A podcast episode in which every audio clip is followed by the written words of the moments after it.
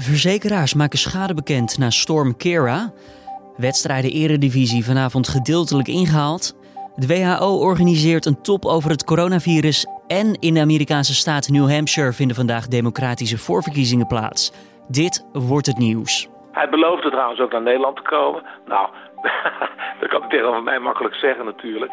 En dan moet hij wel president worden. Hè? En dat is nog maar de vraag, want ja, Biden doet het toch niet zo goed in New Hampshire. Het lijkt erop dat de inwoners van New Hampshire niet massaal zullen stemmen voor voormalig vicepresident Joe Biden.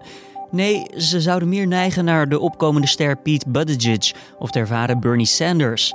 Daarover straks meer met Amerika-deskundige Willem Post, die sinds gisteren terug is uit Amerika. Maar eerst kort het belangrijkste nieuws van nu. Mijn naam is Julian Dom en het is vandaag dinsdag 11 februari. Passagiers van het Nederlandse cruiseschip de Westerdam mogen niet aan land in Thailand. Dat laat de Thaise minister van Volksgezondheid weten. Dat uit angst voor verspreiding van het coronavirus. Op het schip bevinden zich ruim 1400 passagiers, waaronder 91 Nederlanders. Na onderzoek door medische specialisten blijkt echter dat niemand aan boord het virus draagt. Dat was aanvankelijk ook een van de voorwaarden om wel aan te mogen meren in Thailand. Waarom de autoriteiten zich toch hebben bedacht is onduidelijk. Nu.nl heeft contact gezocht met uitbater Holland America Line over wat er nu met het schip zal gebeuren.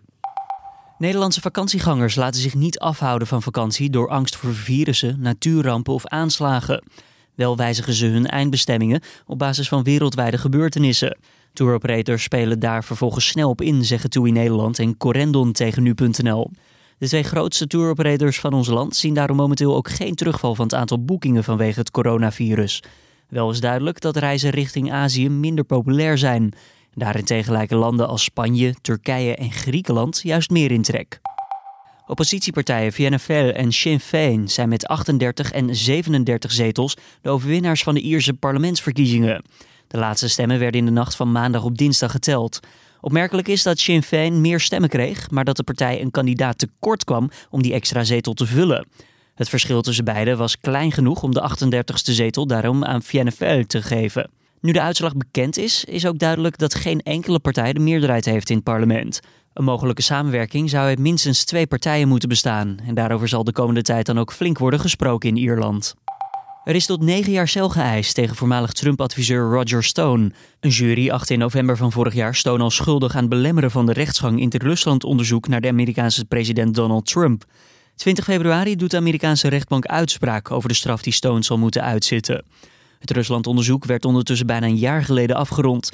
Daaruit bleek dat Rusland op overweldigende en systematische wijze invloed heeft gehad. Maar er was onvoldoende bewijs om een samenwerking tussen het campagneteam van Trump en de Russen aan te kaarten. Dan ons gesprek van deze dag. Inwoners van de Amerikaanse staat New Hampshire mogen vandaag hun stem uitbrengen op hun gewenste presidentskandidaat. Vorige week was de eerste democratische voorverkiezing in Iowa en toen bleken Pete Buttigieg en Bernie Sanders daar de grootste winnaars en dus ook de grootste rivalen van elkaar te zijn. Gaan beiden nog steeds nek aan nek en kunnen de overige kandidaten hun koffers beter alvast pakken? Dat vroeg Carné van der Brink aan Amerika-deskundige Willem Post, die de afgelopen dagen in New Hampshire is geweest om daar de campagne in levende lijven mee te mogen maken.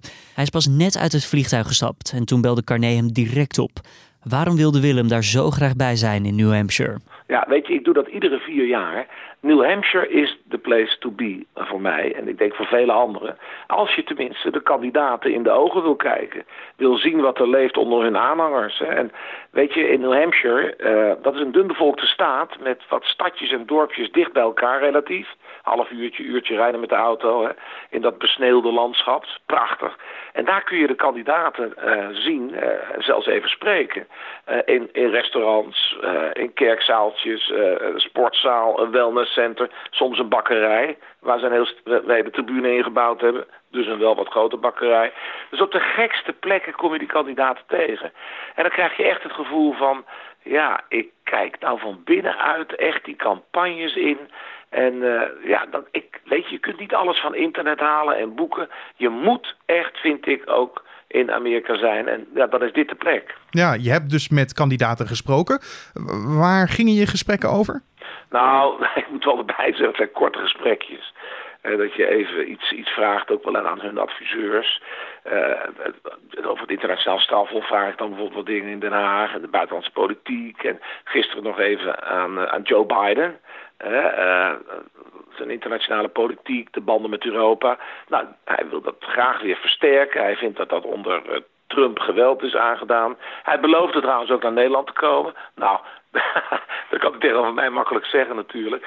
En dan moet hij wel president worden. Hè? En dat is nog maar de vraag. Want ja, Biden doet het toch niet zo goed in New Hampshire. En jij bent dus in dat gebied geweest. Dan, dan proef je een beetje de stemming. Waar neigen de Amerikanen die daar wonen nu het meeste naar? Nou, in de eerste plaats willen ze allemaal Trump weg hebben. Maar ze willen ook een kandidaat die iets doet aan de problemen van nu. En weet je, ik noemde net Joe Biden. Uh, toch een indrukwekkende man, laat eerlijk zijn. Vicepresident onder Obama. een man die, die ook veel sympathie oogst. Maar ja, een uur lang praten die toch vooral over het verleden. Hè? En dat hij alle wereldleiders kent en dat Amerika in goede handen is bij hem. Dat is zo anders dan een andere zeventiger Bernie Sanders. Want die praat over nu en de toekomst en spreekt direct de jongeren van Amerika aan. Ja, en ik denk dat dat toch beter overkomt. Hè. Kijk daar neutraal naar als Europeaan. ik was uh, ook in een zaaltje waar, waar Sanders sprak. Ja, weet je, de gordijnen gaan eraf. De mensen staan op de banken. Heel veel jongeren, hè. Het is hun politieke opa. En is hij dat omdat hij zich zeer politiek actief bezighoudt met de toekomst? Ja, kijk, hij zegt... Ik weet heus wel dat ik bekritiseerd word omdat ik zeg dat ik een democraat-socialist ben. En ze noemen me ook radicaal. Weet je wie de radicaal is? Die president in het Witte Huis. Ik ben niet radicaal. Wat ik vraag is eigenlijk heel gewoon.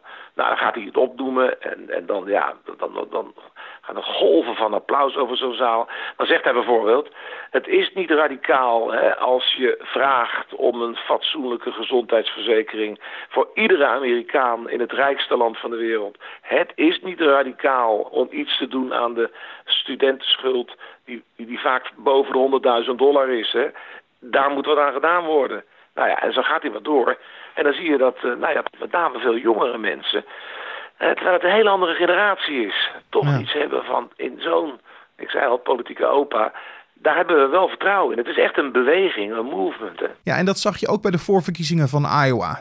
De uitslag daarvan kwam drie dagen later vanwege wat menselijke en technische fouten. Maar daarin zag je dat er twee favorieten waren, Sanders en Buttigieg.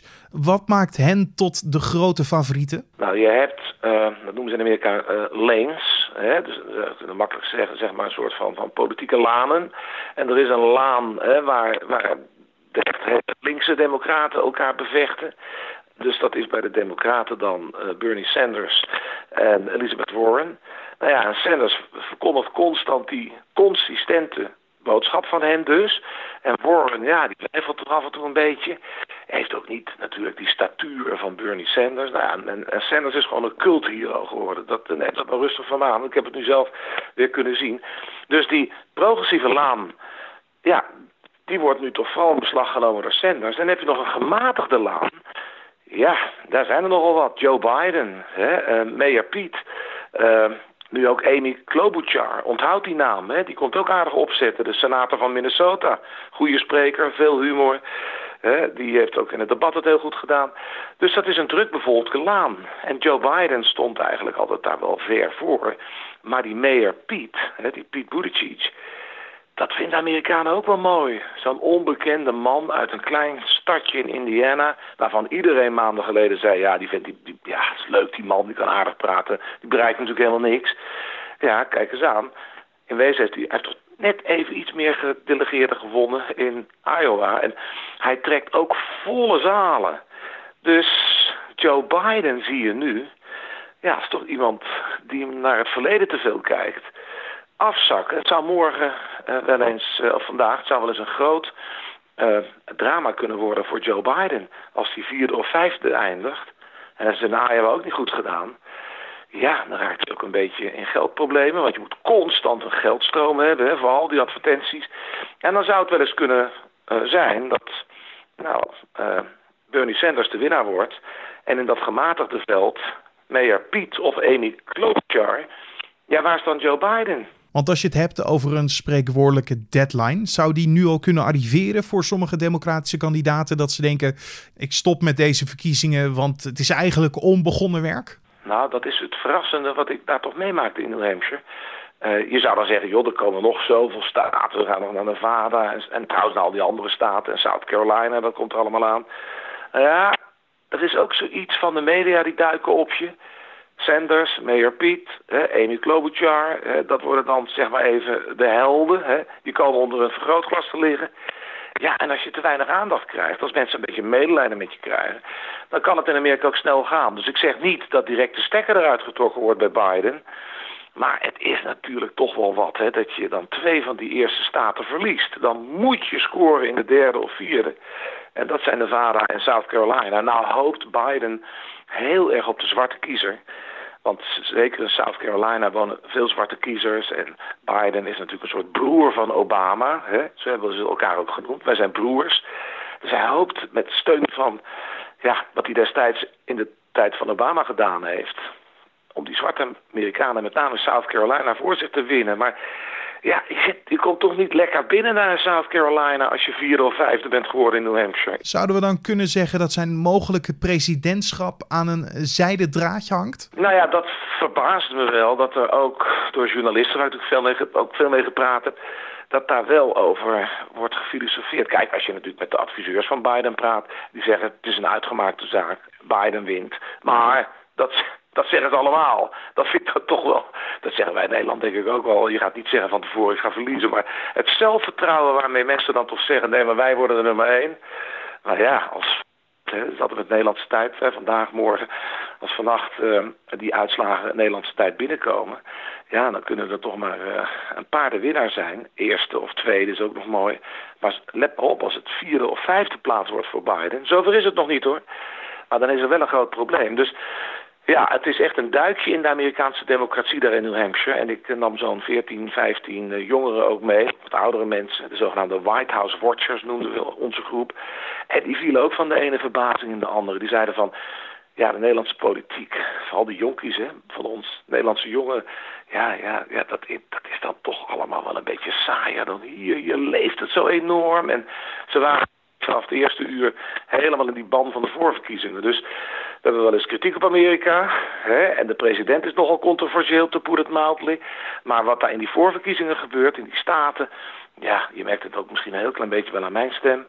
dat is toch iets dat je denkt, jeetje joh... Hè, dat is geweldig dat mensen zo vrijwilligers, duizenden van heinde en verre die met die campagnes komen meehelpen. Nou, ik moet gewoon zeggen dat is hartverwarmend. En of de kiezers vandaag ook voor een hartverwarmende boodschap kunnen zorgen, dat zullen we vanavond of vannacht weten. Je hoorde Amerika-deskundige Willem Post in gesprek met collega Carné. Dan verder natuurlijk ook nog eventjes de nieuwsagenda voor deze dinsdag. Storm Kira ging de afgelopen dagen flink tekeer. Naar verwachting maken de verzekeraars vandaag bekend hoeveel schade de storm heeft aangericht. Bij de brandweer kwamen in totaal ruim 5000 meldingen binnen. Maar uit een rondgang van nu.nl blijkt dat er weinig grote incidenten zijn gemeld. In de Eredivisie worden vanavond twee van de vier afgelaste wedstrijden van afgelopen weekend ingehaald. Om half zeven vanavond bezoekt FC Twente FC Emmen. En om kwart voor negen speelt ADO Den Haag uit bij Sparta Rotterdam. De KNVB zoekt nog naar nieuwe speeldata voor FC Utrecht tegen Ajax en AZ tegen Feyenoord. Staatssecretaris van Defensie Barbara Visser praat met de Zeels bestuurders over de verhuizing van de marinierskazerne van Doorn naar Vlissingen. Het besluit voor de verhuizing viel al in 2012 en inmiddels zijn al miljoenen euro's geïnvesteerd.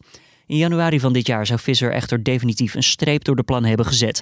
Dat viel in het verkeerde keelgat bij de Zeeuwen. Visser heeft later gezegd dat pas eind maart definitief een besluit zal worden genomen. En de Wereldgezondheidsorganisatie houdt vanaf vandaag een tweedaagse top met onderzoekers en experts op het gebied van geneesmiddelen en vaccins tegen het nieuwe coronavirus. De WHO hoopt dat hierdoor de ontwikkeling van medicijnen, de diagnostiek en vaccins tegen het virus versneld kunnen worden.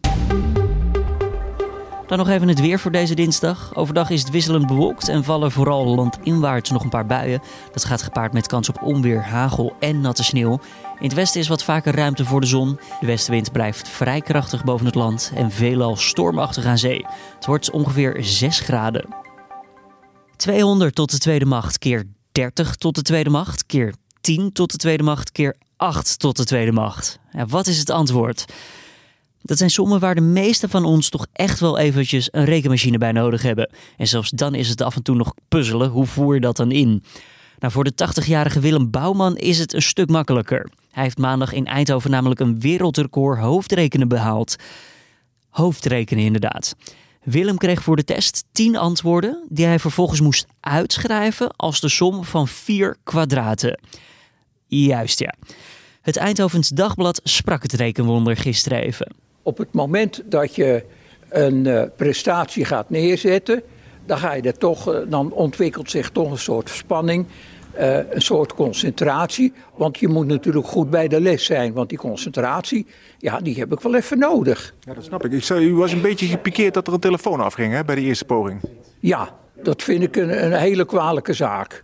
Weet u van wie dat toestel was? Geen idee. Uw vrouw.